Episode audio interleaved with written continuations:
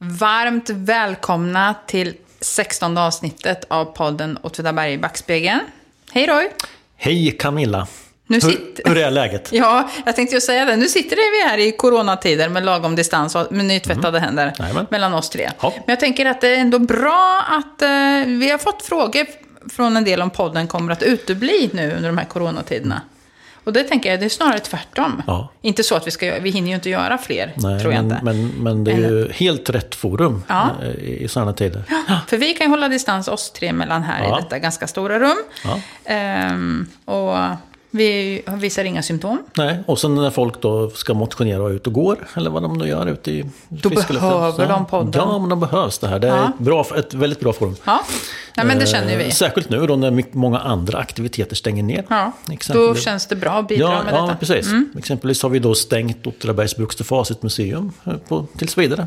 Just det, Ja, precis och- nyligen. ja, eller sedan ett tag tillbaka så kan man inte gå till museet. Nej, Nej, nej. det är en del annat sånt som också har fått Ja, ställas in. du har kanske också Årsmötet fått, ja, årsmötet ställde vi in. mm, för brukskultur. Ja, Och du kanske också har fått... Ja, alltså jag, ja, två föreläsningar är det som inte har blivit av. Så att eh, när det- hösten så- kommer har man ja. massor att göra. Så, så podden är helt rätt Camilla? Helt, helt rätt. Ja, Ja. Det är underbart. Och det är jättekul. Mm. Ja, jag tänkte... Förra gången då pratade vi facit. Ja. Ja. Och eh, efter det så har vi fått ett brev från en av våra trogna lysn- lyssnare som Ja. heter Ulf Johansson. Yes. Han skriver bland annat om facit och jag tänkte att jag skulle vänta lite med hans kommentar om facit. För jag, vi måste återkomma med en del tre. Jag har ju fortfarande inte berättat om den sista yrkes... Nej, du hade en del yrken Jag där. hade ju en liten eh, cliffhanger sist ja. och den har jag inte glömt. Nej. Men jag tänker att eh, ko- återkommer vi till eh, en del tre, vilket vi gör så småningom, så ska jag också ta upp det Ulf berättade om. Mm, Ja, just det. Ja, men han hade, han hade mer att berätta, var det Ja, så? det var det han hade. Mm. Och det var väldigt spännande. För han berättade att i slutet av 40-talet så köpte hans föräldrar en tomt på Fågelbergsgatan. Alltså uppe vid Utsikten. Mm. Ja. Eh, han minns från sin barndom det vi pratade om i vår livepodd. Ja, okej. Nämligen skjutbanan vid Bäckfallsvägen. ja, just det. Mm. Och han berättar att i början av Sågarevägen, mell- alltså mellan gatan och berget, så fanns det en långsmal röd byggnad med en veranda längs ena långsidan då, hela långsidan. Och det här var skyttepaviljongen. Ja, det var deras klubbhus på något sätt. Kan man Ja, det måste det ha varit. Men jag tänker att man stod väl där och sköt. Det kanske man gör, det, en sån paviljong. Ja, ja. ja. Mm. Jag vet ja, inte. Ja, men, för att det är ganska långt. I så fall, om det var där man stod och sköt, ja. vilket jag tror, då var den ganska lång. För man, man sköt ju ända bort slutet av Bäckfallsvägen. Ja, jag kan det. tänka mig att det var en sån här alltså, 300 meter eller någonting sånt. mm. Eh, och i slutet alltså av Bäckfallsvägen, dagens nummer 25, fanns Mm. måltavlorna. Och bakom måltavlorna fanns en stor jordhög som fångade upp kulorna. Mm. Mellan skyttepaviljongen och tavlorna, berättar Ulf, så var det hagmark som man hade fri sikt. Så det, det var roligt. Mm. Ja. Men det som är väldigt, väldigt spännande är vad han sen säger. Mm. Som barn, han är född 1942 kanske man ska tillägga, så lekte han mycket på berget. Och han kommer ihåg den vitmålade flaggstången. Ja, den där som på... Från, Flaggstångsberget. Ja. Ja. Och en del berättar ju att de inte kommer ihåg att det Nej, fanns en flaggstång. Nej, men den fanns alltså 42. Ja, Eller- 42 är ju nej, född. födde jag, förlåt. Ja, precis. Så att det här måste ju vara... Ja, Slutet 40-talet kanske. precis, slutet av 40-talet. Så att en del kommer ihåg att det fanns en flaggstång, men att det inte hissades någon flagga. Någon sa ju till och med att det inte fanns någon flaggstång. Så minnet och liksom det, det här, det har ju varierat lite. Men han kommer ihåg flaggstången. Och inte nog med det. Han kommer nämligen ihåg att det hissades en röd varningsflagga när man sköt på, skö- sköt på skjutbanan. Ja. Och det kunde ses av många som bodde på utsiktsområdet. Och det här tycker jag det är verkligen revolutionerande flaggstångsnyheter. För, Så. Verkligen. Att det var en röd... För jag har hela tiden tänkt... Jag vet inte varför jag tänkte tänkte så. en, eh, en vanlig flagga. Jag tänkte den svenska fanan. Ja. Patriotiskt. Ja, ja. Men det är klart att det var en röd varningsflagga. För skjuter man liksom på en typ en 300 meters bana så behöver man ju visa att man var där och Ja, sköt. absolut. Ja. Men du berättade någonting här innan vi satte oss också. Om någon gammal film som du trodde... Ja, men precis. Vi har ju i Facit ABs arkiv har vi ju en hel mängd filmmaterial.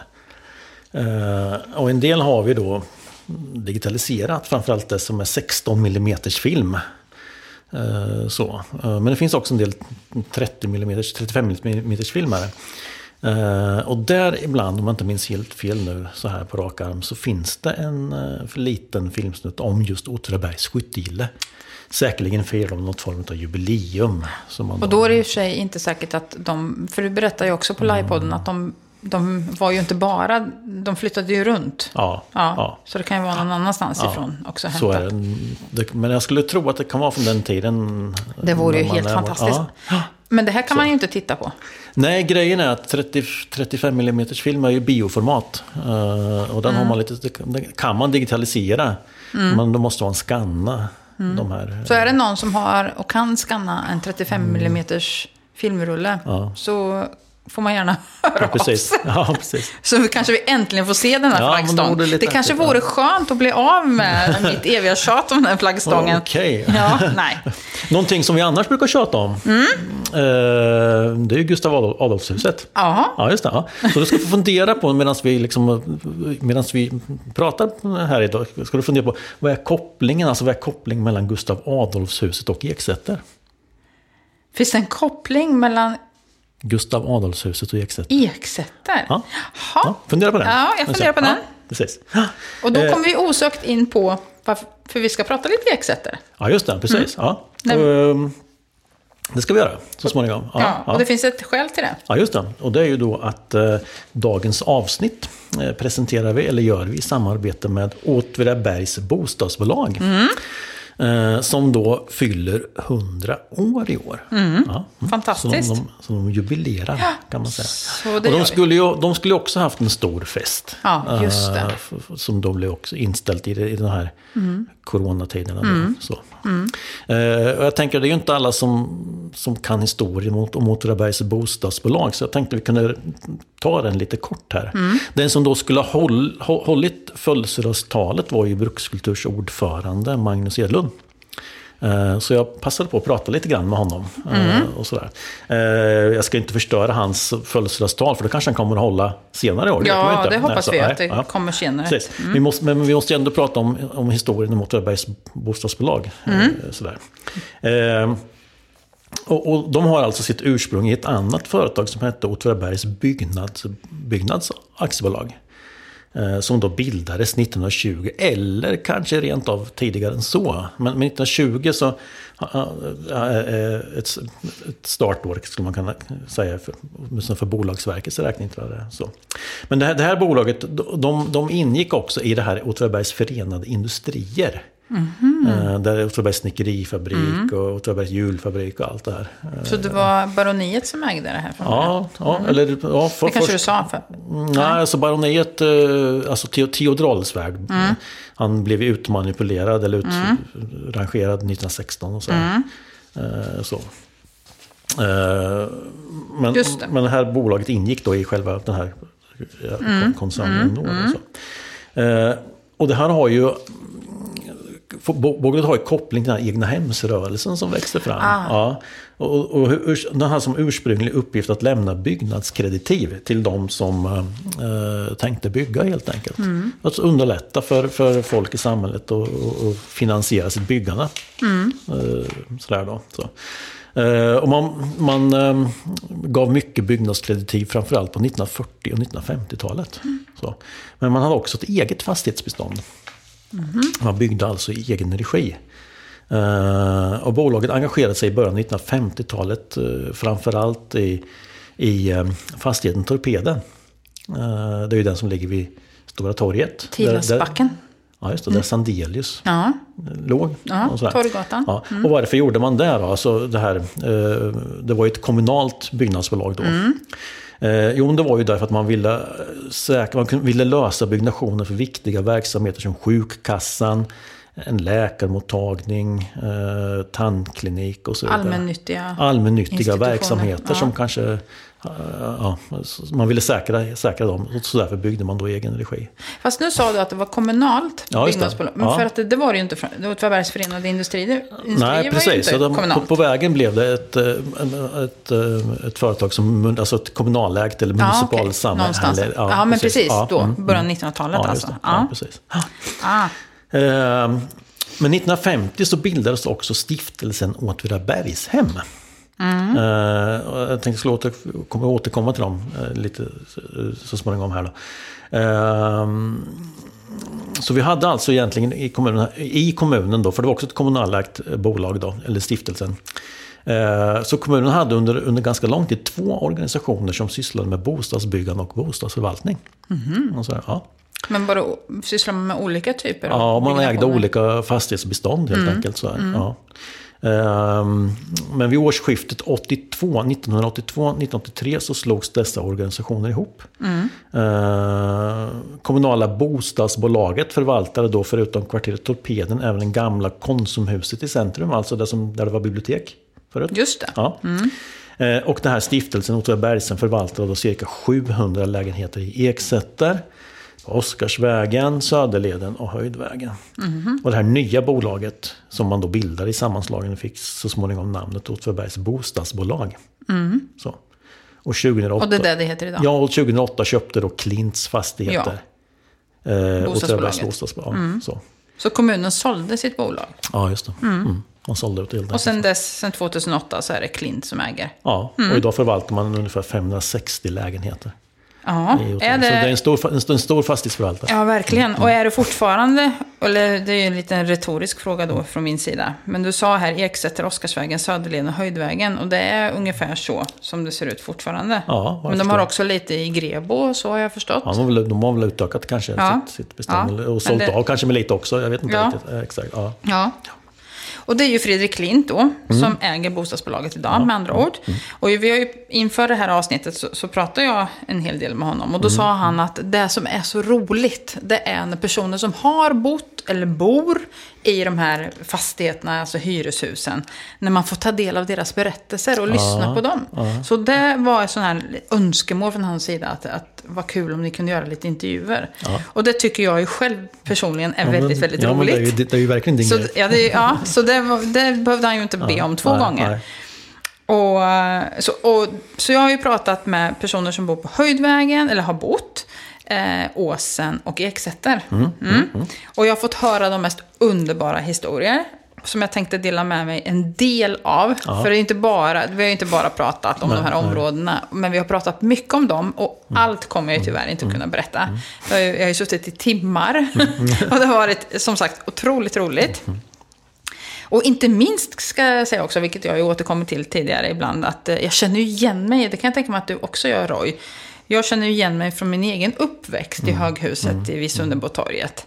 Eh, och det har gjort också att det har inte varit så svårt. Ibland när man lyssnar på äldre personer som berättar om händelser eller saker som har mm. varit företeelser så kan man ibland ha lite svårt att förstå. Mm, mm. För man har inte varit med själv. Men Nej. i det här fallet så har jag verkligen förstått eh, känslan av att växa upp i mm, liksom, en sån här, i sån här sammanhang. Och bo till exempel. Ja eh, vid Höjdvägen. Och det, jag tänkte börja just där. Alltså ja. i Höjdvägen som faktiskt också ligger på andra sidan eh, Sunnebotorget ja, där jag bodde. Ja, De farliga människorna som bodde på Höjdvägen ska jag säga. Mm. Nej. Eh, om jag har förstått det hela rätt så byggdes ju husen som ligger mot skogen. Alltså om man åker Ja, om man åker in på Höjdvägen, säg från Hengränd. Ja, just det. Så husen mot skogen på vänstra ja, sidan. Ja. De byggdes först. Ja, just det. Och de har ojämna nummer. Ja. 7, 9, 11, 13 tror jag. Mm. mm.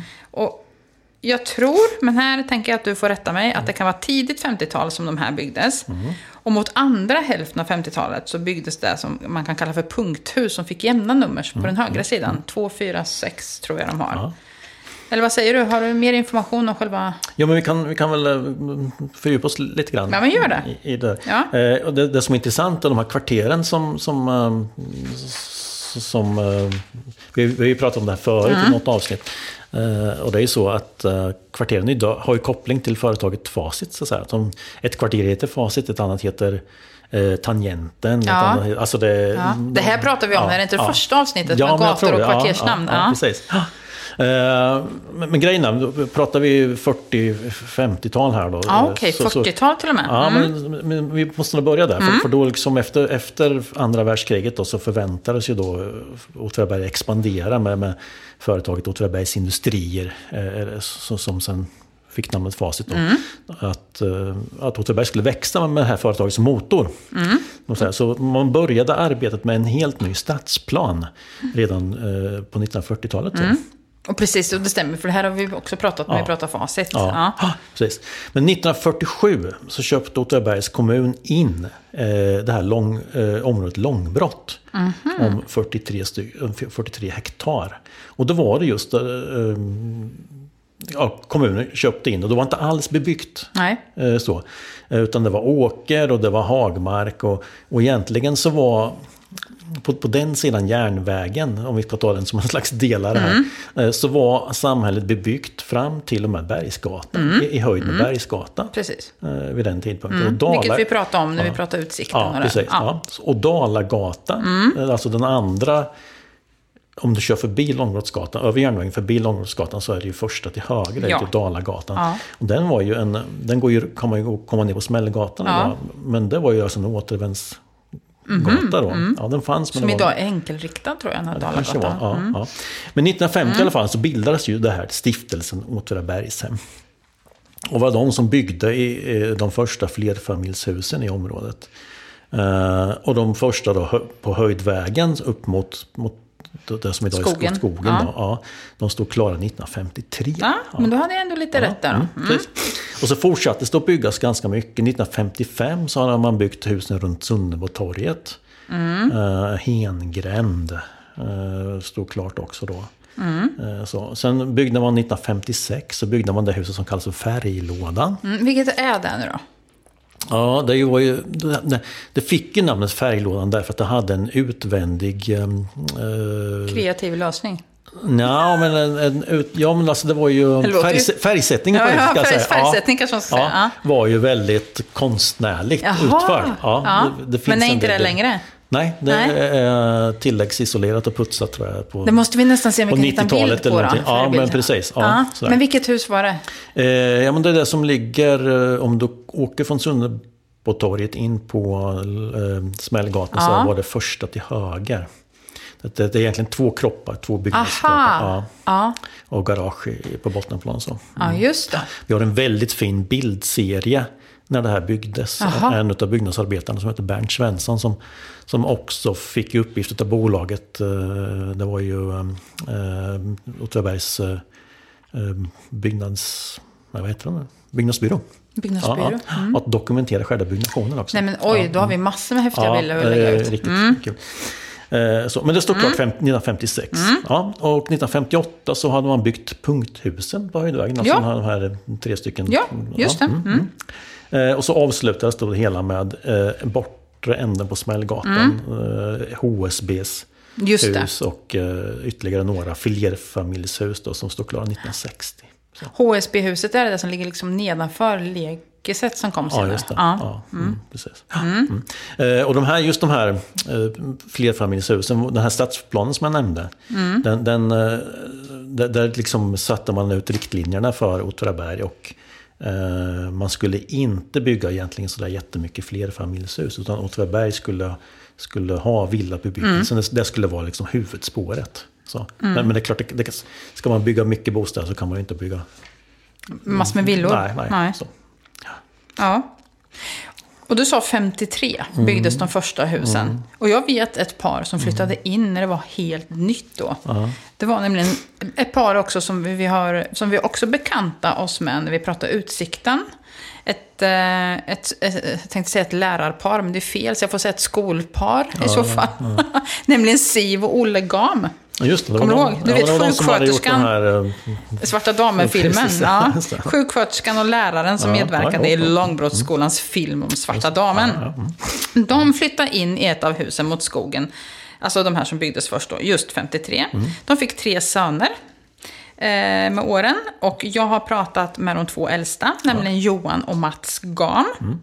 Mm. Och familjen bodde först i huset som, eh, ja, nian. De pratade ju om husen sådär. Då bodde vi i nian först och sen flyttade vi till elvan. Och de bodde här fram till 1961. Okej, okay, ja men mm. vilka nian, alltså vad sa du, 13 är det närmaste? Eller liksom det är lekiset, ja. Sjuan ja, finns okay. ju, det är längst bort mot Tengren. Okay, så nian och elvan är ju där i mitten. Och de är ju lite olika också de här husen. Mm. En del har ju dubbla ingångar och mm. ja. Mm. Jag har faktiskt, jag, jag var tvungen att, jag har åkt förbi flera gånger på senaste tiden just för att försöka orientera mig lite också och veta vad man... För, ja. Mm. Eh, En, och de hade ju massor med roliga historier Mm, kring det här. Även om de inte var så gamla. Men de hade också fått mycket berättat för sig. Både av Siv, som, Ja. som, eh, och, ja, som är deras mamma då, och, Mm. och eh, Olle, deras pappa. På andra sidan Sunnerbotorget, på Bergsgatan 4, då var, alltså inte, då var ju inte höghuset byggt än. För det byggs nej. ju senare. Ja, mm, 60 någonstans. Ja, precis. Då bodde, där bodde Hasse Ågren med familj. Och Hasse han var lärare och varvad bandyspelare. Känner du till honom? Nej. Nej. Och Olle och Hasse var i alla fall, eller blev, jag vet inte, de kanske var vänner sedan tidigare. Båda två gillade att gå på bio. Och Åtvid så fanns ju vid den här tiden två stycken biografer, tror jag. Den ena var i Folkets hus och den andra var ju det som var gjort för att vara biograf, nämligen Citybiografen i det här huset som du nämnde tidigare. Ja, eh, vid torget, Torpeden. Och när de blev sugna att se på film och skulle kolla om den andra hade lust att följa med så lyfte de inte på telefonluren. Därför att de kanske inte hade någon. Nej. Nej, det var inte helt vanligt. Det var inte helt vanligt. Eller om det var, var så att man hade så var det ganska dyrt att ringa tyckte man. Mm, Och, och eftersom det här var tiden innan höghuset och punkthusen också på Höjdvägen byggdes så var det ju liksom fri sikt Ja, ja. till varandra. Fast ganska långt Ja, ifrån då. Men de gick helt enkelt ut på sina respektive balkonger. Och så gjorde de lite morsesignaler, jag antar med hjälp av en ficklampa Jaha, eller någonting okej, sånt då. Och liksom så här, kolla läget, har du lust att se på film? Och så kanske den andra gick in och kollade med sin hustru och Mm. kollade vad de skulle göra på kvällen. Ja, nej men det är klart jag hänger med. Kreativ En kommunikationslösning. kreativ kommunikation. Och apropå kreativ så var nog framförallt, eh, säkert Hasse, men framförallt Olle var ju väldigt kreativ. Ja, ja. Mm. Och väldigt förtjust liksom, i teknik och sådana saker. Så därför är det heller inte så lustigt att han var den andra personen i Åtvi att skaffa tv-apparat. Okej. Vad- Men... Mm. Då vill du fråga, vem var den första? Nej, jag tänker mer på hur vet man att... De... Det vet man kanske inte. Men, det, det, men jag tror att de var, ja men du vet, det här var ju himla tidigt. Han skaffade sin TV 56. Ja, Och jag tror att sånt här vet man bara, för att det var väl sån hysteri kring att de hade... Jag menar, hela släkten från Blekinge kom ju för att titta på TV hos dem. Okej. Men den Vad- första då? Vad var den första då? Ja, det kan ju du fundera på här, och vem som kan ha varit... Nej då. Den första lär vara Ivar Rosén. Jaha, men han som hade Åtvidabergs byggnadsbyrå, alltså byggmästaren. Precis. Ja, ja. Så han lär då i alla fall ha varit den andra personen. Men, men, Olkom. och då är det spännande, kan vi ju ställa frågan till våra lyssnare. Är det någon mer som liksom vill göra, göra Anspråk anspråk på att vara den första? Ja, eller den tredje. Vem Ja. var den Ja, tredje att precis. skaffa TV i Åtvidaberg? Ja. ja, vi får se. Men det här var 56. Ja. Och det var ju fortfarande så att TV på den här tiden var ju på experimentstadiet. Mm. Det fanns en sändare från Tekniska högskolan i Stockholm tydligen. Mm. Eh, och det gick rykte om eh, GAMS att de hade tv och att många kom för att titta, Ja, som jag ja, sa. Till och ja. med eh, i princip släkten från Blekinge kom. Så. För tv tog ju ordentlig fart med fotbolls-VM Ja, men 58. precis. Så det här är ju tidigt. Eh, och när det inte fanns mer än kanske då två tv-apparater i hela samhället så fanns det ju heller inga centralantenner. Nej. Utan Olle han skaffade ju en egen antenn. Eh, och han, som han satte upp på taket där på Höjdvägen. Eh, och, Bodde han på översta våningen eller? Ja, de bodde på, Ja, tre, ja. på tredje våningen. Jag tror det blir tredje. Ja. Och framförallt Johan då, som är den äldste här i syskonskaran, han minns ju hur pappa klättrade upp på taket när bilden blev dålig. Det där minns man ju själv också. På, på taket? Ja, Oj då, ja, på taket på höjdvägen klättrade han upp och mixtrade med antennen. Och hur skulle man då veta om bilden blev bra eller inte? Då fick man väl stå och skrika. Ja, det trodde jag också, men det gjorde de inte för han var Nej. lite mer, du vet, tänk på morsesignalerna över balkongerna Aha, här. en- Nej, han kunde ju inte blinka så, men de Nej. hade en visselpipa. Så när bilden var bra så, så, gav, så, så visslade väl kanske Siv då, mamma gav här, säg en signal. Och när, när bilden var dålig så kanske det var två signaler. Känns ju lite som slöseri med kompetens att han skulle vara lärare. Han skulle blivit någon Ja, han gjorde en massa roliga saker. Ja, verkligen. Strateg eller ja. någonting. Och den här vissepipan så berättar ju också Johan om att den begagnade hon sig även av när barnen var ute och lekte. Ah. Det var dags att komma in för att äta. Så istället för att skrika på dem genom fönstret eller balkongen som andra mor- mammor gjorde Ja, så det. blev de visslade på. Ja. Okej. Och ute och lekte, det var man ju verkligen. Ja. Eh, det är ju någonting som går igen för alla de här som jag har pratat med i de olika bostadsområdena. Mm. Man var ute mycket i lekparken och fotbollsplanen som fanns bakom nian här på Höjdvägen. Eller Mm. på Klätterberget i skogen bakom. På den här tiden fanns ju inte eksätter. Det, var inte byggt eksätter, så hela den skogen där.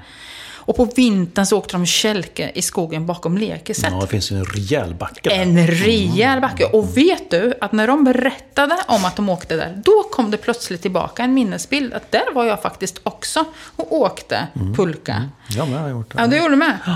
För att annars är det, och det är också lite genomgående faktiskt för alla som pratar här, att man, man höll sig till sitt område. Det här som vi har varit inne på tidigare, att de geografiska avstånden kändes stora. Liksom. Man var hö- vid höghuset, vi var vid höghuset. Men så kom den här minnesbilden tillbaka när han berättade om den här backen där man också tog ner träden. Kommun tog ner träd. För att man skulle kunna åka där. Ja. Jag- bodde ju inte där, men jag jag gick ju på lekis där. Precis, Ja, då var ni där Ja, och... Ja, också ja, för jag gick ju också på lekis där. Ja. Och ibland så band de ihop sina kälkar till ett långt kälktåg. Mm. En sån här gamla träkälkar med ratt, du vet. Och det var jättekul till en gång som den första i tåget fick sladd. Berättar de. Och alla åkte in i varann och Mats fick en sån här med, vet du, kälkmed i, i hakan. Och då tänkte jag, vilken tur att den, inte, att den inte tog i halsen. Och han blödde ju jättemycket. Och du vet, blod i vit snö. Det ser ju förskräckligt ut. Och någon hämtade mamma Siv som kom rusande. Och de åkte taxi till Dr. Brundin.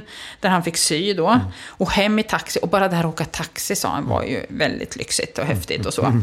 Och när han kom hem så berättade han att lekkamraterna väntade stod där liksom och han såg dem. Och de var väl lite imponerade av taxin. Och när han gick ut, han hade ju bandage så vid ha- hakan, så tänkte han att nu skulle de ju fråga hur han mår. Och så när han kommer ut ur taxin så möts han av någon som säger Kan du spötta genom hålet? för han sa, ja, för vad skulle kunna varit häftigare än att de kunde spotta genom ett hål i kinden? Det hade ju varit en höjdare. Ja. Sen kunde de också berätta att vid ett tillfälle, och det här är ju så crazy, eh, så gick mamma Siv då upp på vinden. Alltså du vet, man hade gemensam vind med såna galler, tänker Ja, jag, ja. uppe i husen. Ja, ja. Då gick hon upp där, för hon skulle väl hämta något. Det här var strax före jul. Eh, kanske hämta ner julsaker helt enkelt. Och då var tomten där. Oj. Ja, en riktig tomte. Jaha. Ja. Eh, en människa utklädd till tomte antar jag då. Så hon frågar, alltså hade jag gått upp på vinden och mötts av tomten, jag hade, alltså jag hade blivit så rädd. Så jag hade rusat därifrån. Men hon frågar om hon kan få hämta sina barn så att de kan få hälsa på tomten. Så det kommer de ihåg, att de gick upp och sen så sa de hej till tomten. Oj. End of story. ja. Och Mats, han var ju född 56. Det är mellanbarnet här då. Han var den första generationen faktiskt att gå på dekiset. Som vi pratade om Okej, det här. ja, ja. Mm. Vid Höjdvägen. Ehm, han minns att det var, de slogs om typ att få den mest prestigefyllda... Man hade kommer du ihåg den? Man, symbolen, för man hängde ju av sig kläderna så hängde man ju den vid en symbol. Man hade ju en egen. Ja, just det. Kanske Och allt, det här var väl första lekeset kan jag tänka mig som hade allting anpassat efter barn. Alltså du vet, låga möbler. Alltså vet alla vad vi pratar om? Då tänker jag, för idag är det ju inget lekis förstås, eller nej, förskola. Det. Ja, det är inte, nej, det är det faktiskt inte. För jag tror att det är ett, eh, ett familjehus idag. Ja. Det här lekeset ligger ju, som du sa, man åker in Dalagatan. Mm. Eller hur? Och som bara åker rakt upp mot Höjdvägen. Mm, Så ligger det på höger hand. Ja, så det, och där gick både du, man gick förmiddagsgrupp eller eftermiddagsgrupp. Ja, det kanske man gör. Ja. Ja, och det öppnar ju alltså då, eh, jag vet inte vad det kan bli, början av 60-talet där någon gång då. Mm. Nej, men det, han fick ju i alla fall fotbollen Ja, som, ja. som sin sån här. Men innan, det fanns ju en tid innan lekeset byggdes också. Eh, Mm, då minns Johan, och det här bad han oss särskilt att kolla om vi kunde hitta någon information om. Mm, Han, han vill minnas att det var som, på somrarna så kom det en cirkus till den här gräsplätten. Det är också en stor gräsplätt nedanför det här. Mm. Ja, just det. Ja, precis. Skulle kunna fungera bra för som en cirkus. Som, Som en plats för en cirkus, ja. precis. Vet du något om det? Ja, men jag har försökt att, um, forska lite i det här då. Eh, Exempelvis var då i, i maj 1952, alltså innan, innan allting Ja, just det. Ja, innan någonting Ja, byggdes. så var Mm. Troll, Troll Rodins zoo-cirkus på besök i Åtvidaberg. Alltså, det var en på, på, sin, på sin tid väldigt känd cirkus och den här Mm. Trolle Rodin är ju en, alltså Rodin Eh, Rodins är ju, är ju, eller var ju en känd cirkusfamilj. Hans, eh, Trolle Rodins farfar var cirkusartist och hans far och han tog vid och hans barn sen. Så- Nu måste jag säga igen där som jag brukar säga. Nu kan ni ju inte se Roy. Men han tittar väldigt, väldigt uppfordrande på mig nu. Som att jag, jag måste ju verkligen veta vem den här Rodin är med sin zoocirkus. Och det gör inte jag. jag aldrig, zoocirkus, det indikerar i alla fall att man hade väldigt mycket djur. Ja, men precis. Ja. Det var alltså, det var en, alltså i, I reklamen så står det att det är Nordens största cirkus. Okej. Ja. Och den kommer alltså till Åtvidaberg med ett särskilt specialtåg, ett extratåg, som då, om hela 34 vagnar. Men Som då herregud. rullar in på, på Åtvidabergs station där. Under pompa och ståt, tänker jag. Sådär. Man gör ju reklam för att man skulle komma med, med tåg. Då vill man väl att, kanske att folk skulle komma dit och titta också. Men vad då kommer man med järnvägståg? Ja. Med järnvägståg anländer man. Så, det, så, så, så, och och sen så var man då i Åtvidaberg i två dagar och gjorde ett antal eh, föreställningar. Eh, sådär. Men då måste jag fråga, kom djuren i åkte järnväg? Ja, de åkte, Men, hur, men lo, sen lossar man andra vagnar för att kunna... Alltså hur transporterar man lejonen sen? Ingen aning.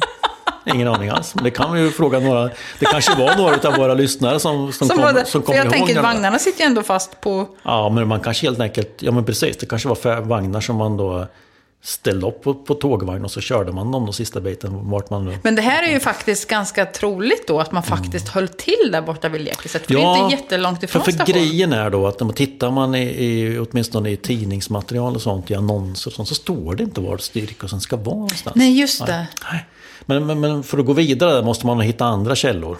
Ja. Det, är nog inte helt omöjligt att, att, reda ut det Men som sagt, det var ju nära. Ja. nära det är nära till hands Ja, att man gick precis. just dit bort. Stort, stort område. Så här skriver i alla fall Östgöten om den här Trolle Rodins zoo-cirkus. Då.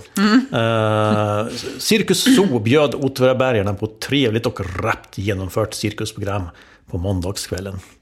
Eh, där förekom våghalsiga balansnummer, luftig akrobatik, lustig musik och vacker ballett. Skämtsam och skicklig cykelåkning och så förstås väldresserade och vackra hästar. Den sista avdelningen upptogs av mästerdressören František Trubka och hans fem berberlejon. Oj, oj, oj. Ja, där det inte var brist på spännande moment. Som helhet kan sägas att cirkusen var bra och välordnad. Det stora tältet var i det närmaste fullsatt. Mm, ja. Ja, men det här vill vi jättegärna. Om det är någon som kommer ihåg vart cirkusen... Får ni gärna höra av oss. eh, kring Nu det. har ju faktiskt eh, Johan Gav, ja, för sagt där att de jag har var varit där. på men- cirkus, eh, det är ju nere på reserven. Eh, Innan, Jaha, innan det ja, byggdes. just det. Det, har jag, det är liksom min, min, det, det som jag förknippar med, med tivoli och med, Mm. med, cir- med cirkus.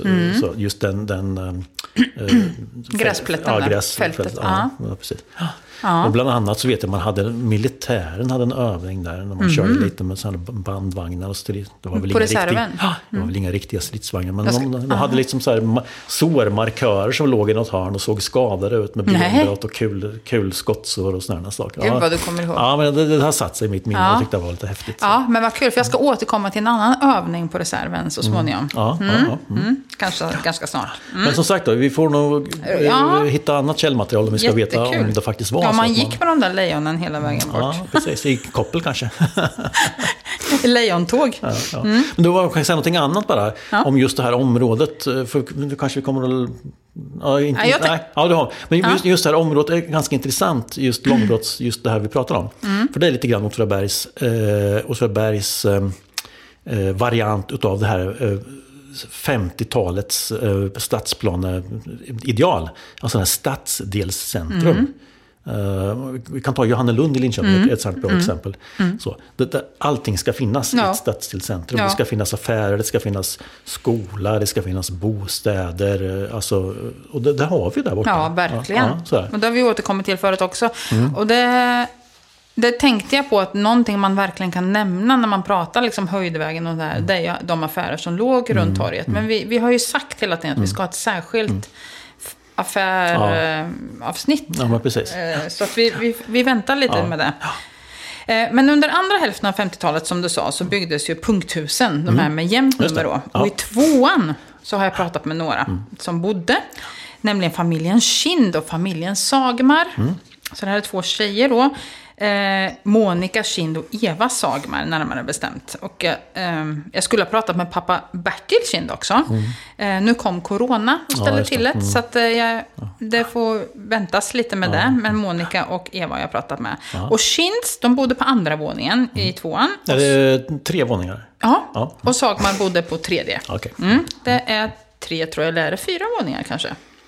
Eh, ja, här låter det vara osagt. Mm. Och allt sen uppväxten på Höjdvägen så har ju Monica Kind och Eva Sagmar, som är födda 61 då, varit vänner. Och de minns en trygg barndom där mammorna var hemmafruar och hjälptes åt att se efter alla barn. Det var ett slags kollektivt ansvar och det här minns jag också från min tid på Höghuset. Och det här är ju lite skillnad då mot eh, bröderna Gam, för Siv hon arbetade ju, så de har ju inte ja, den här minnesbilden av liksom, mammor som är hemma på det här sättet då. Och de sa att det var väldigt tryggt och man hjälptes åt, men det var samtidigt en väldigt stor frihet. Som barn så gav man sig iväg själv på ett helt annat sätt och gick själv till lekis. Mm. Nu är inte mm. jättelångt borta, men man var inte så mm. gammal heller. Nej. Man gick själv iväg och lekte och, mm. och liksom, gjorde kanske ganska äventyrliga saker. Och de berättar också om hur de lekte både inne och ute. Samma klätterberg som tidigare pojkarna Gam mm. lekte vid, lekte de också vid. Och inte minst klipphyllan som var så bra att leka affär vid. Det var ju sån här, liksom gjort nästan för att ha ja. och leka produkter mm, mm, i form av kottar och nötter och sånt. Och nu när de flyttar in hit så fanns det alltså lekpark vid varenda hus. För så mycket barn ja, var det och så mycket var man ute och lekte. Mm, mm, mm. Och det var lite olika saker i de olika lekparkerna. Och det fanns också flera fotbollsplaner och flera isbanor. Så man kunde åka skridskor och så. Men de var ofta även nere i cykelkällaren och lekte. Ja. I matkällaren. Fick de det för vaktmästare? Mm, nej, det, det, fick de förmodligen inte, för det fick man ju inte. Men de, nej, det gjorde man ju ändå. Cykelkällaren och matkällaren och i källarens skyddsrum. Oj, ja, oj, sa jag också. För att de klättrade alltså in i en lucka som kan ha varit typ en meter i diameter. Mm. Och som var en sån, ja, mm. Ja, hade någon kommit och stängt den luckan så hade de ju inte tagit sig ja, sån, Nej. ja, precis. Ja, för det fanns ett, ja. något litet fönster, ja, men det, det, hade de inte tagit sig upp till. Men där var de och lekte. Och i matkällaren så låg de, om det var någon som hade tömt sin matkällare så fanns det ju sådana bänkar och så som ja, låg och läste serietidningar. Okay. och sådär. Och cykelkällaren, ingen har... Det var tydligen så att Bertil hade en motorcykel. Och den har många barn åkt väldigt långt på. Jaha, ja, ja. Suttit där på hans mm, motorcykel. Och så lekte de i trapphuset. Och så sa Eva till mig att eh, hon hade ställt en fråga till någon nyligen häromdagen och frågat om som, bo, som bor på Höjdvägen nu och frågat om hon kan försöka ta sig från nedersta våningen, alltså källaren, till översta våningen utan att gå i trappan inomhus. Mm. Och då blev jag så här, jaha, hur skulle man bära sig åt då? Nej, men då klättrade ju de på trappräcket. Ja, så man satte ju liksom fötterna mellan de här ja, pinnarna ja, och så gick så de hela vägen på det sättet. Så där höll man sig sysselsatt. Ja. Jajamän. Och i huset på 60-talet, alltså bara i Höjdvägen 2, så bodde det 24 stycken barn. Du ser att tvåan ligger längst ner mot Sönder, mot sönder mm. ja. Mm. Mm. Så du kan ju tänka dig hur det lät. Ja. Då, vad hade man på fötterna på den här tiden? Vad hade du? Träskor. Träskor hade man på fötterna. Så när alla kom krampandes och hoppandes i mm. trapphuset så lät det lite. Ja. De skulle ut och leka. Så det kanske inte var jättelustigt att farbror Nils som, som bodde någonstans där på tvåan så blev väldigt, väldigt arg. Eh, men att han stod bakom sin dörr och vaktade och öppnade precis när de passerade och skrek åt dem. Att, så att de till slut inte vågade gå förbi där. Det kanske inte var så kul. Mm. Eh, men det slutade han med den dag som Evas mamma följde med. Så de sa väl till mamma att de inte vågade gå förbi farbror Nilsson för han var så arg. Så hon följde med ner. Och då står ju farbror Nilsson och lurar bakom sin dörr.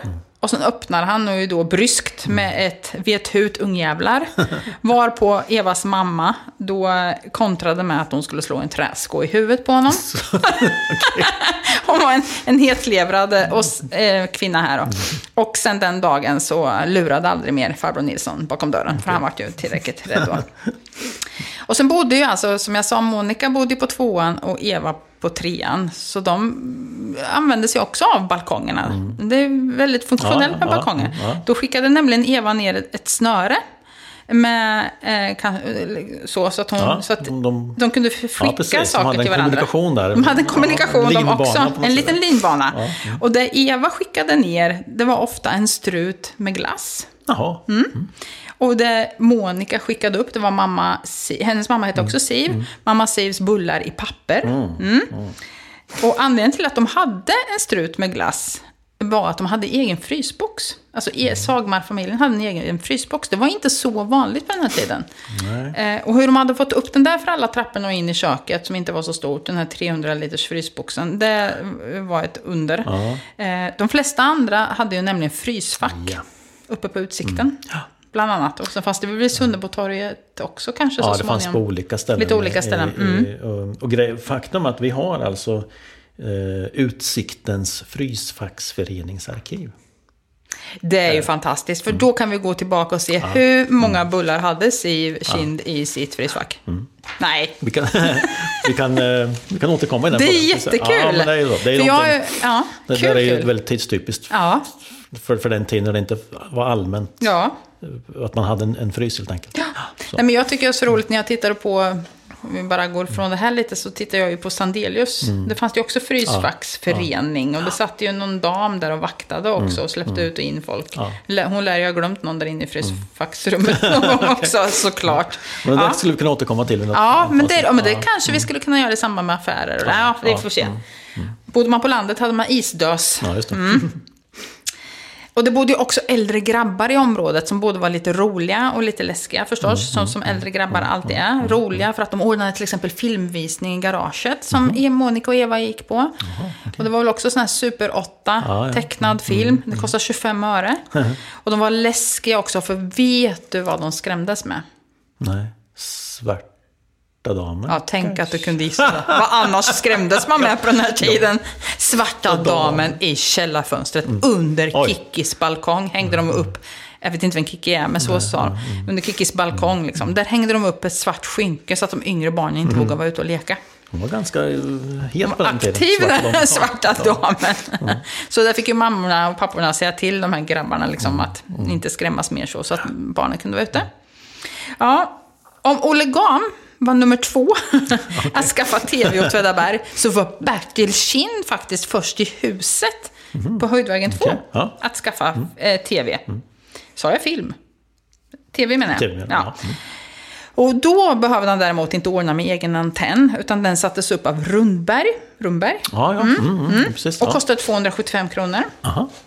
Mm. Och medan Johan och Mats minns hur de såg på Andy Pandy och Humle och Dumle, så minns Monica, Eva, Monica och Eva hur de såg på Pellapennan, Pelle, Pellapennan och Suddagumman. Okej. Barn dåtid, nej. Nej. Då, dåtidens barn. Men Humle och Dumle är ju en sån här. Ja. Men det har man ju sett i efterhand. Ja, men den de måste, här, precis, för den vet man ju. Ja, ja. Ja. jag håller med.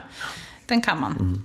Ja, det var lite om Höjdvägen. Och som sagt, vi pratar ganska mycket om vilka affärer som har legat i de olika husen. Jag fick en massa nya insikter, men det, det, det, den håller jag på lite. Mm. Ja. Sen ett annat område som då Åtvidabergs bostads, eller som de har, det är ju Åsen. Just det. Och Åsen, om vi ska säga det, det är Gallbacken. Mm, ja, precis. Oscarsvägen. Ja, ja, Mm. Som ligger liksom till vänster om stallet kan man ju säga, på andra sidan vägen där. Det ligger tre stycken flerfamiljs... Precis. Lite så här som en hästsko nästan. Med fantastisk utsikt över samhället. Mm, precis. Det jag inte berättade om Höjdvägen var att Bertil Kinnan sökte faktiskt lägenhet på Höjdvägen redan 1956. Men till följd av bostadsbristen så fick han vänta. Han kunde flytta in först 1958. Mm. Och samma sak berättade Lennart och Ulla Ottosson, som jag träffat just för att prata om Åsen då. Eh, att de, det, det var bostadsbrist. Och Lennart han arbetade på sammansättningen på Facit. Mm. Och flera av hans arbetskamrater de arbetade, arbetade extra som brandmän. Och de så uppmanade Lennart att göra detsamma.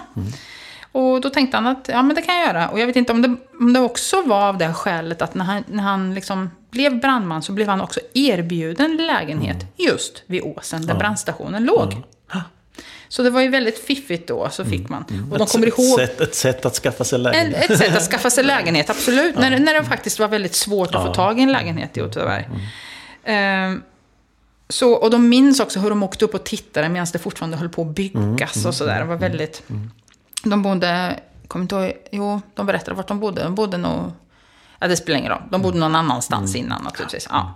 Hyran för lägenheten, det tycker jag också är lite roligt. Det här är ju då i början av, slutet av 50-talet ska jag säga. Mm. Då låg den på sommaren på 180 kronor i månaden. Och vintertid 212 kronor i månaden. Mm. Bara, när man skulle ha el eller inte. Liksom. Ja. Och Lennart minns att han då tjänade 130 kronor i veckan på Facit. Och sen jobbar han ju också extra på brandstation då. Och Ulla var dagmamma och tjänade ju också en del pengar förstås. Och det var många brandmän, ska jag säga, som bodde i husen på sen. Förstås, eftersom de fick lägenhet där. Och det var praktiskt att ha dem nära och sådär. Jag har även pratat med Inger Walter, vars man Einar jobbade på brandstationen. Och Uno Rosén.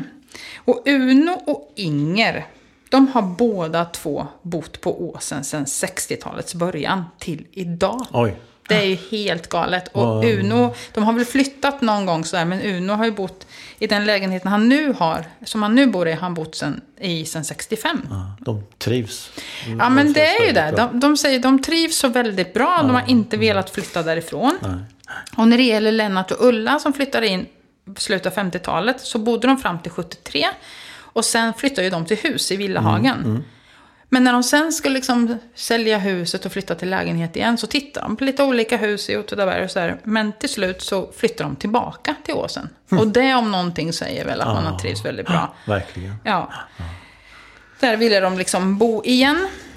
Jag Ja. tänkte på det här du pratade om brandkåren. Alltså, väl, Mm. Åsen och det området är ju väldigt förknippad just med brandkåren. Mm. Eftersom, eftersom brandstationen eh, låg där. Mm. Eh. Men, men den hade ju inte alltid legat. Eh, Nej, just det. så- nej. Nej. Och många kanske inte vet om att det varit brandstation. Eh, För många är det här känt som bok och trycks. Ja, eh, att, man, att det ens har varit brandstation. Ja, precis. Ja. Ehm, Men då kanske vi ska säga vilket hus det är då. För det är ju det här som ligger framför åsen. Precis till vänster om Ja, stallet. precis. som har en liten rolig det är som ett torn på. torn med en kupol. eller en torn med en boll ja, på. Ja, jag precis. inte. Ja. Ja. Mm. Ja. Ehm, det var egentligen vid sekelskiftet 1900 som, som eh, brandväsendet växte fram. Det är klart man alltid varit rädd för bränder alltid haft någon form av frivillig brandkår. Mm. eh, Och att många människor har hjälpt till så här när det har brunnit. och Så här. Det har ju brunnit en hel...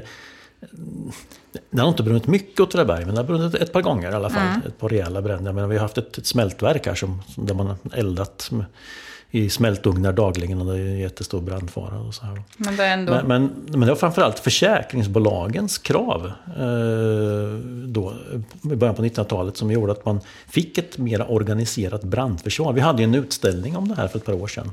I brukskultur, Ja, precis. Ja, så. Eh, så i, i Åtvidabergs fall så är det Östgöta brandståndsbolag som ställer krav eh, på Åtvidabergs samhälle. Att man då ska ha en, en organiserad, eh, ett organiserat brandförsvar. Annars så kunde man inte teckna eh, försäkringar för de byggnader som fanns här. Och när ställer de det kravet då? 1902. Oj, det gör de ett år innan det Ja, men precis. Så något. 1903 så kommer den här jättestora Ja. branden där Åtvidabergs kopparverk brinner ner, Ja. där mejeriet brinner ner, snickerifabriken brinner ner, där det är liksom byggnader vid Gamla torget och sånt brinner ner. Och det här får ju verkligen fart på brandförsvaret eh, i Åtvidaberg. Och då bygger Mm. Och är man konspiratoriskt lagd där så skulle man kunna fundera Ja. på det, vem, vem anlade vem den? anlade den här branden för att verkligen visa att det behövs skydd. Ja, Nej, precis. förlåt Ja. Östgöta brandståsbolag naturligtvis. Mm. Så 1903 i oktober så tog Åtvidabergs municipalsamhälle en helt ny brandordning. Mhm. Eh, och man byggde också en helt ny brandstation, eller en sprutbod. Mm. Eh, som, som, eh, som man också benämner för, vid Gamla torget. En, Ja. te, en tegelbyggnad. eh, Där man fick plats med sitt material och sina vagnar och sin, sin Mm. Där idag Dalmans järnhandel som man kallar den ligger. Ja, bredvid. Ja, bredvid. Bredvid där. Ja, Mm. mm. Idag det ett kommunalt bolag som har. Där. Eh, Men brandstyrkan organiseras och delas upp i två uppbåd som det kallas för. Första uppbådet eh, bestod av den så kallade borgarbrandkåren. Eh, Det var liksom anställda, deltidsanställda eh, brandmän helt enkelt. Sådär, som, som skulle bekämpa bränder. 16 brandmän och två förmän. Men så fanns det också det andra branduppbådet som bestod av tjänstpliktig personal som rekryteras för ett år i taget. Alltså en, en slags eh, samhällstjänst. Där man då, om man då var mellan 18 och 60 så kunde man helt enkelt bli uttagen till att bli brand, eh, brandman under ett år. Och de här de övade ett par gånger om året och skulle då hjälpa till när inte den här första uppbådet eller borgarbrandkåren, när de mäktade med. Eh, helt enkelt så. Och just då, då byggde man också en, den här, som var så den här påkostade nya brandstationen vid, vid Gamla torget. Då, så att säga. Eh, och, och in, inte bara eh, man hade inte bara utrustningen och sådär, men man hade också två stycken brandvakter som, som då, med brandlurar. Som man tutade i ifall det skulle bli brand. Ja, just det. sådär. Eh, Det var ju det sättet man kunde meddela eh, brandmännen och övriga befolkningen på om, om, om, om, eh, om det började brinna. Och det där är, liksom, det där är, ingen, det är ingen ny företeelse. Det där fanns under hela 1800-talet i Åtvidaberg. En nattvakt som då hade två uppgifter. Eh, dels så skulle man varna för bränder och dels skulle man tuta i en sån här lur om, vid varje helt klockslag. Så här. Han kallades lite allmänt för tutaregubben. Den här. Eh, då, man skulle, man skulle, många som retade på, på, på honom. Han gick omkring och blåste på Ja, nätterna. men jag tänkte ju säga det. Klart, klockan två liksom. Man brölar i den där. Det var inget roligt. Det finns en gammal vers kring det här. Då, den låter ungefär så här. Så, Lurn lade han på muren och tutade urn. Fint. Ja. Ja. Eh, men på Så 19... han skulle också tuta men- om det började brinna? Ja, men precis. Det var någon slags kombinerad klocka och brandvakt. jag kallar det för. Gäller att det inte brann på heltimmar då? Ja, precis. Eh, I alla fall, på 1940-talet så ökade kraven på, på de här brand, brandkåren. Ja, Och eh, i samband med då att kvarteret Åsen byggdes så uppfördes också en ny, helt modern brandstation i området. Och brandmännen fick också tjänstelägenheter, eller tjänstebostäder i Åsen. Det var ju väldigt, väldigt smidigt det här. Och, sådär. och den där brandstationen stod klar 1954. Mm. Eh, och tjänade som Åtvidabergs eh, brandstation ända fram till 1978. Då eh, den flyttades till sin nuvarande plats i Fågelsången. Ja, just det. Så. Ja. Och, och de här brandmännen som bodde på åsen, det här var ju också tiden före att alla hade liksom telefon och definitivt tiden före personsökare. Så det var ju Ja. samma sak då. Hur skulle man påkalla deras uppmärksamhet? De hade ju liksom fem minuters så kallade anspänningstid. Det vill säga från att ett larm kom till att räddningsfordon Ja. skulle lämna stationen så fick det inte gå mer än fem minuter. Eller hur? Och det här har jag läst på, det är ett gammalt uttryck. Alltså anspänningstid. Det är ett gammalt uttryck som lever kvar från den tid när brandkårerna var hästdragna. Man spände an Ja, hästen ja. framför brandsprutan. Ja, det. Därför är det så. Men anspänningstiden var fem minuter.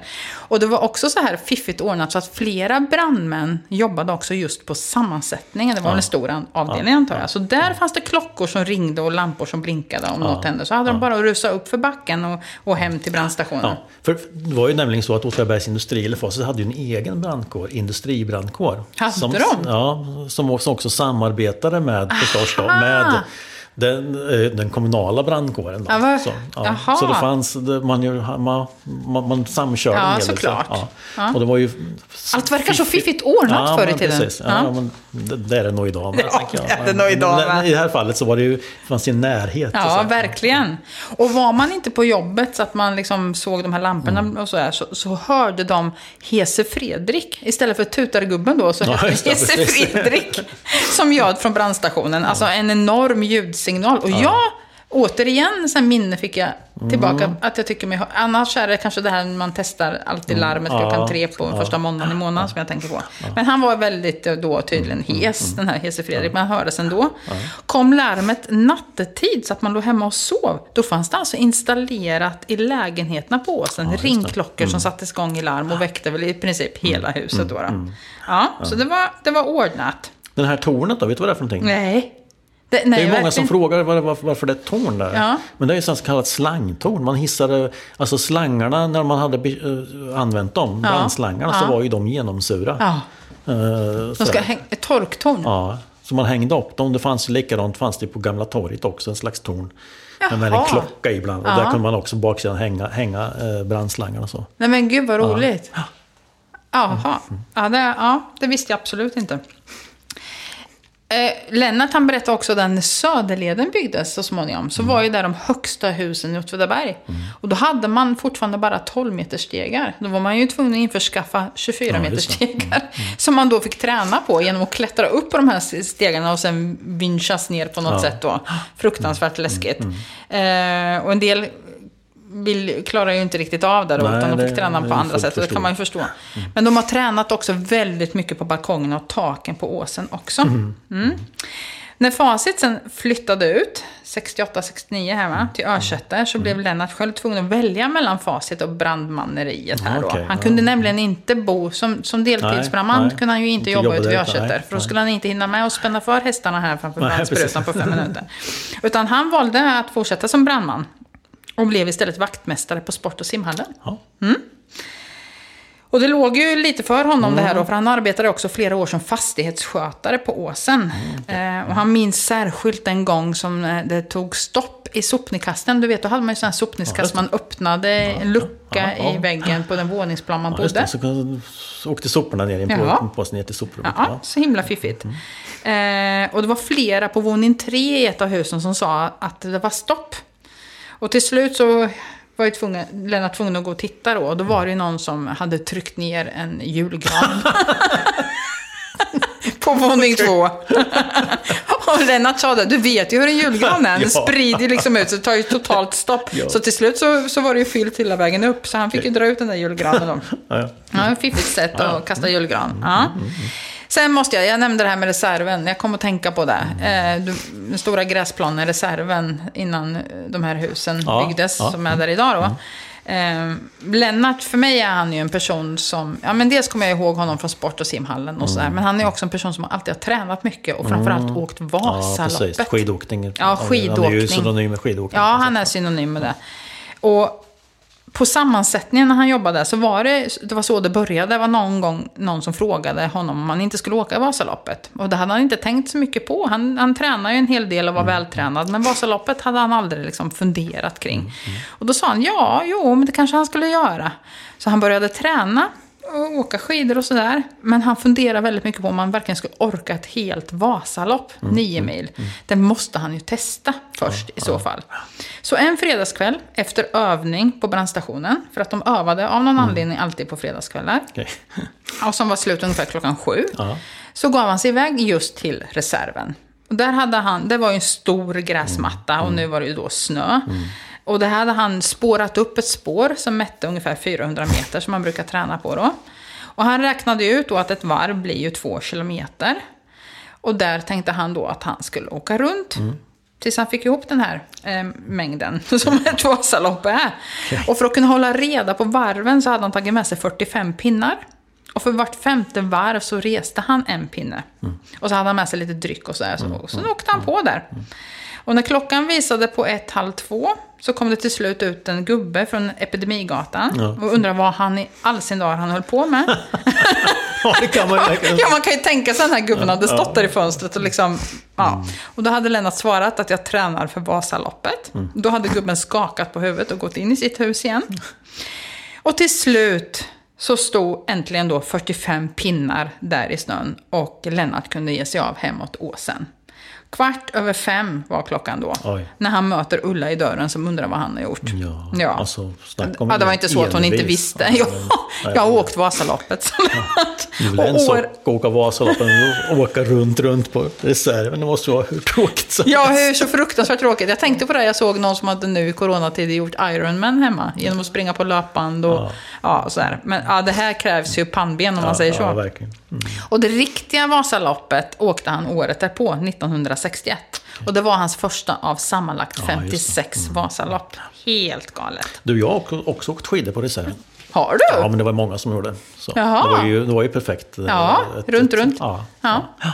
Ja, Så, bara sådär frivilligt eller för skolan? Eller? Nej, nej. Nej, var du bara för åkte. att Jag tyckte att det var roligt att åka skidor. Ja. Ja. Kanske var där och spårade tillsammans med... Nej, det här måste vara... Det var inte Det du kanske född. var, nej, det var inte. Jag tror det var, det var många som åkte Det där. var många som åkte ja, där. Och precis som med höjdvägen så, så eh, är ju liksom hela tiden när man pratar om den stora sammanhållningen och att det bodde Mm. så många barn i husen. Och alla lekte med alla Mm. och de var ute och de var i lekparken och åkte pulka i den där fantastiska backen som är baksidan. Alltså gallbacken helt enkelt. Mm. Och att man hjälptes åt med barnen och, och sådär. Mm. Ja, det blir ett långt avsnitt det här känner jag Det nu. det, för va? jag är inte klar. Nej, jag förstår det. Jag fortsätter med Eksäter nämligen. Ja, just det. Ja. Och det, har, det är som tur är ändå, så har vi faktiskt pratat Ja, om precis. Eksäter. Vi behöver Ja. inte prata om byggnation. Vi kan göra en liten rekapitulering kanske. Ja. Eksäter är lite av Åtvidabergs miljonprojekt. Alltså det här när man skulle bygga en miljon lägenheter i hela Sverige Mm. eh, i bostadsbristens eh, 1960-tal. Eh, Sådär. Och Mm. likadant här så var det ju bostadsbrist och man ville ju man ville liksom bygga, bygga nya lägenheter. Så i början av 60-talet så, eh, ja, så, så beslutade man liksom att man skulle man bygga. Man köpte in marken i Eksäters hage. Stiftelsen Åtvidabergshem var också eh, inblandad här. Eh, Och 67 så började man bygga de där 12 husen som sen stod klara i början på 70-talet. Så. Precis som du säger, 12 hus. Och numera så finns det fem av de 12 husen kvar. I närheten av Timmergården så finns det faktiskt en ny grästäckt kulle där rivningsmaterialet har samlats. Ja. Och precis som de andra så hör ju de här fastigheterna sedan ett par år, 2008 närmare bestämt då, till Klints Känns fastighet. lite tomt där uppe nu. Alltså det- Ja, men det gör det, man- Men det är väldigt fint. Det är jättefint. Och det, det, ja, Mm. jag kan tänka mig att om man är van att se Eksäter som det en gång såg ut så känns det lite tomt. Men det är också otroligt fina, härliga, gröna Mm. Ja, områden visst, nu. absolut. Så att det är ju väldigt fint. Och här har jag pratat med familjen Karlsson. Mm. Närmare bestämt Therese, Göran, Tina och Anna. Och Therese då, som är mamma till Tina, hon minns hur, hur hon, eller hur hennes äldre bror Guy och hans bror Barbro hade flyttat till Eksäter i början av 70-talet. Eh, och att de sa till Guys och Therese, alltså Guy är Therese bror då, till deras, deras föräldrar att de borde flytta hit. För de hade flyttat dit då. Och Guy är, eh, Therese är ganska mycket yngre än sin bror och som bodde fortfarande hemma. De borde flytta dit för det var så fint. Och Therese var själva nio år då. Och det gjorde de 1974. Och det var fint, sa Therese. Det var relativt nybyggt och väldigt fina lägenheter. Och det fanns många barn här, precis som de andra hyreshusområdena. Och man samlades vid stenen, för det fanns ju inga mobiltelefoner. Dit kom alla. Jag vet inte vilken stenen är, utan det är bara sån uttryck. Det är precis som när jag bodde vid höghuset. Då, det var inte... Där har ni också en sten. Ja, en hö, stora stenen. Som ju då nu, när man tittar på den, inte är så stor. Men stenen, man samlades vid stenen. Det var liksom ett uttryck här. Eh, och det, där fanns det alltid någon. Och det fanns alltid någon att leka med. Och sen var man också mycket i skogen bakom Timmergården. Alltså det är ju här ner mot höjdvägen egentligen. Och de här liksom, eh, klätterbergen då. Men där fanns det också ett område som också Monica Kind och Eva Sagmar kom ihåg väldigt väl. Nämligen bygget. Eh, kommunen tillhandahöll material i form av brädor och spik och sådana saker. Så fick barnen bygga kojor. Okej. Ja, och då fanns det kojor både upp i träden och på mark och så här. Och en del barn fick hjälp av sina föräldrar att bygga kojor som blev som små villor. Och det var, det var liksom ett område där man hängde och, och lekte och så. Som var helt fantastiskt och jättefint. Therese morfar, han flyttade också så småningom till Eksäter. Och när han senare skulle flytta till ålderdomshemmet så fick Therese då ta över hans tvåa. Och det var i samma hus som föräldrarna, så hon flyttade inte jättelångt bort då. Och vet du vad man gjorde då? Det här, det här är något nytt för mig, men det, det här kanske du har hört talas om innan. Men man, för att hon, det här var ju en tvåa, men hon hade inte råd med en tvåa, behövde ingen tvåa. Så vad gjorde man då? Man hyrde ut ett rum kanske? Nej, man plomberade ett rum. Plomberade ett rum? Okej. Det är säkert. Ja. Och, och för dem var det här bara... Eh, det var så självklart. Men jag har aldrig hört talas om att man plomberade rum. Så man gjorde helt enkelt, man stängde en dörr där och plomberade så att det inte gick att ta sig in där. Och sen blev det ett enk- Det här måste ju vara en tid när det fanns gott om lägenheter Ja, helt enkelt. verkligen. Så det blev ett enkelrum och sen när, när hon liksom kände att hon behövde ett rum till och hade råd med ett rum till, då kunde de öppna upp det där rummet. Ja, så då blev det en tvåa igen. Ja. En lösning. Ja, men precis. Och den fyra som Therese och Göran bor i idag, som då är gifta, den har Göran haft sedan 1975. Oj. Från början var den en tvåa som blev en trea, som sen nu då är en fyra. Ja. Och Tina, alltså eh, Therese och, och Görans dotter, hon är född 88. Hon har också alltså vuxit upp i Eksäter. Eh, och lär enligt sin mor gå under benämningen den jävligaste ungen i Eksäter. Förlåt att jag berättar det här. Det var bara lite gulligt. Hon, var nog lite, hon hade svar på tal och var lite busig sådär. Ja. Men det Tina minns är hur man verkligen alla lekte med alla. All, oavsett ålder eller varifrån man kom.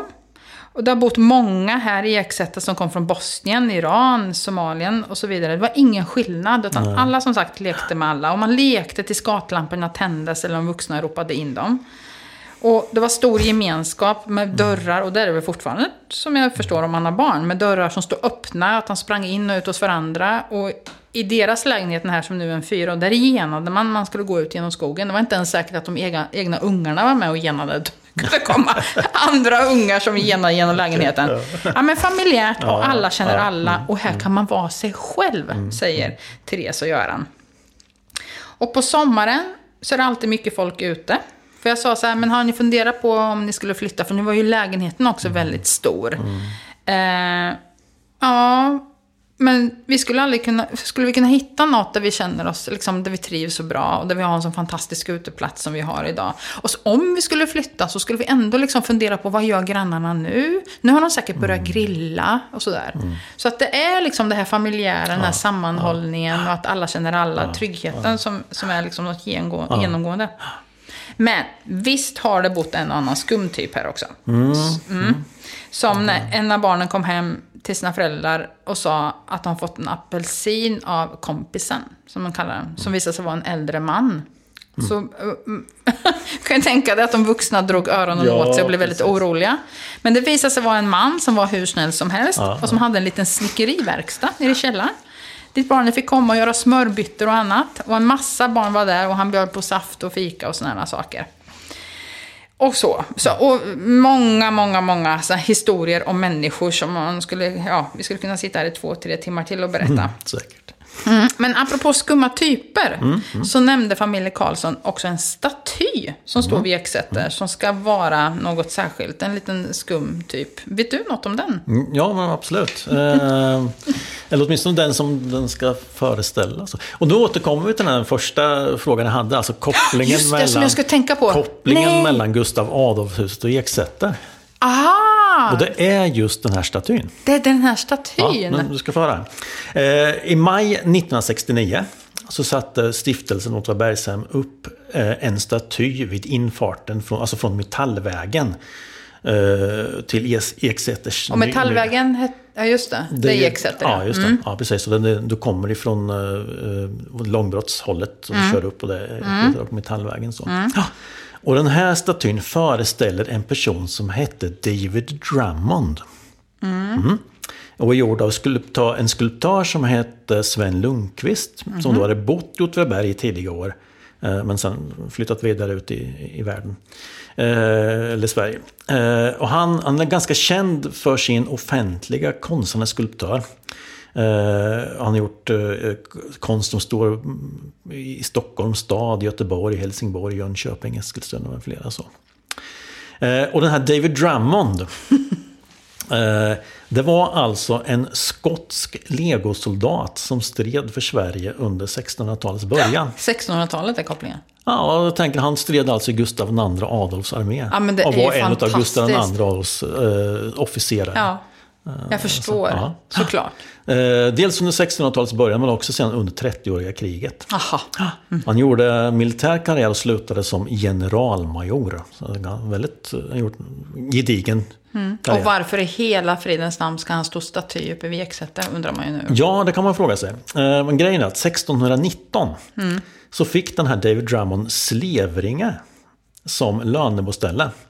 Alltså det, han fick det som ett ställe där, där han då kunde ha eh, det som producerades på gården kunde han sedan livnära sig av. utan- Men missar jag någonting här? Hade han någon anknytning tidigare till Åtvidaberg?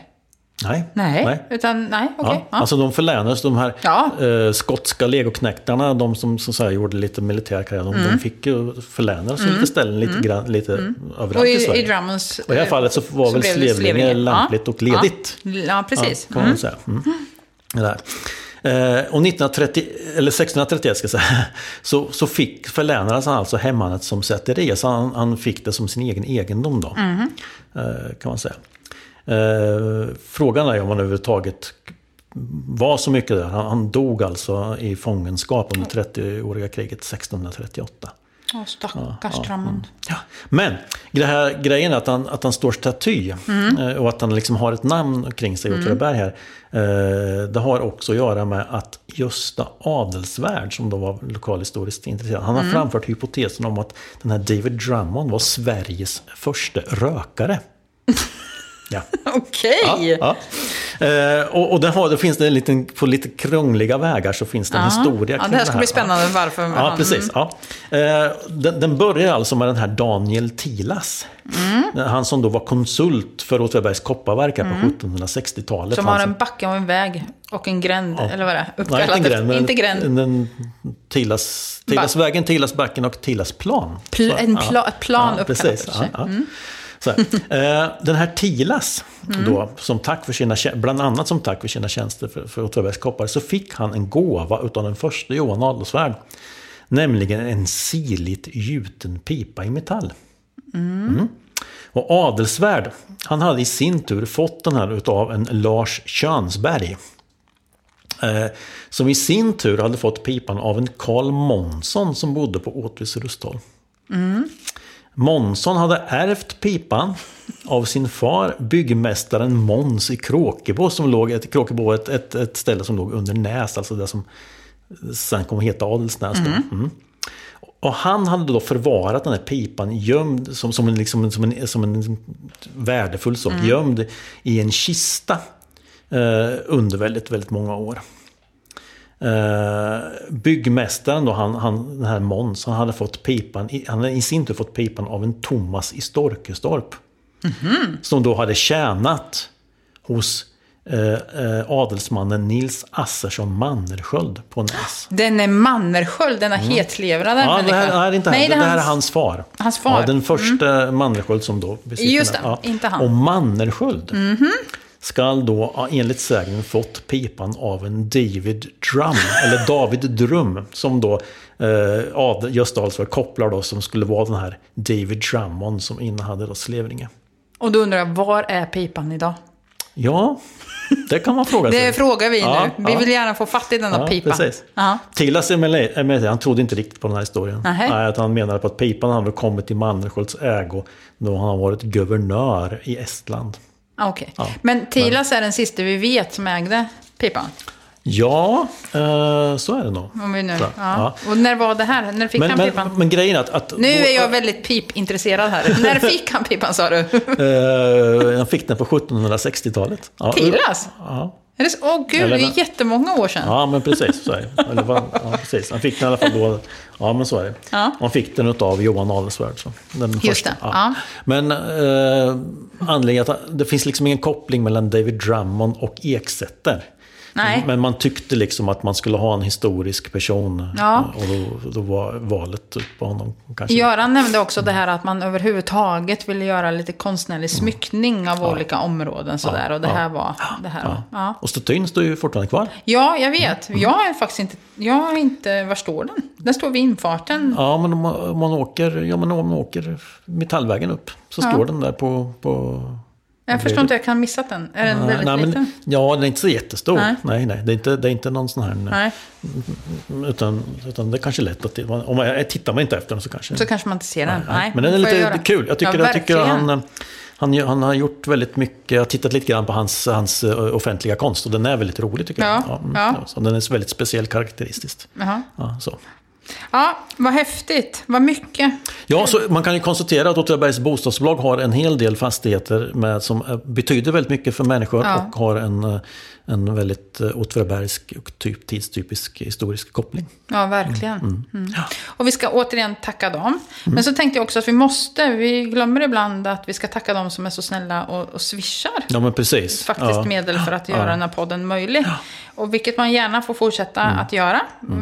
Mm. Man kan sätta in Ja. en, fem kronor. Kanske man inte kan. Jo, det kan man. Om Ja, man swishar kan man ja, sätta vilka summor man vill. Så Eller- stort, tack till er. Ja, och då kan vi väl passa på att säga att swishnumret om man vill göra en sån liten insättning är 123 012 31 25. Och så kan man märka sin betalning med Åtvidaberg i backspegeln.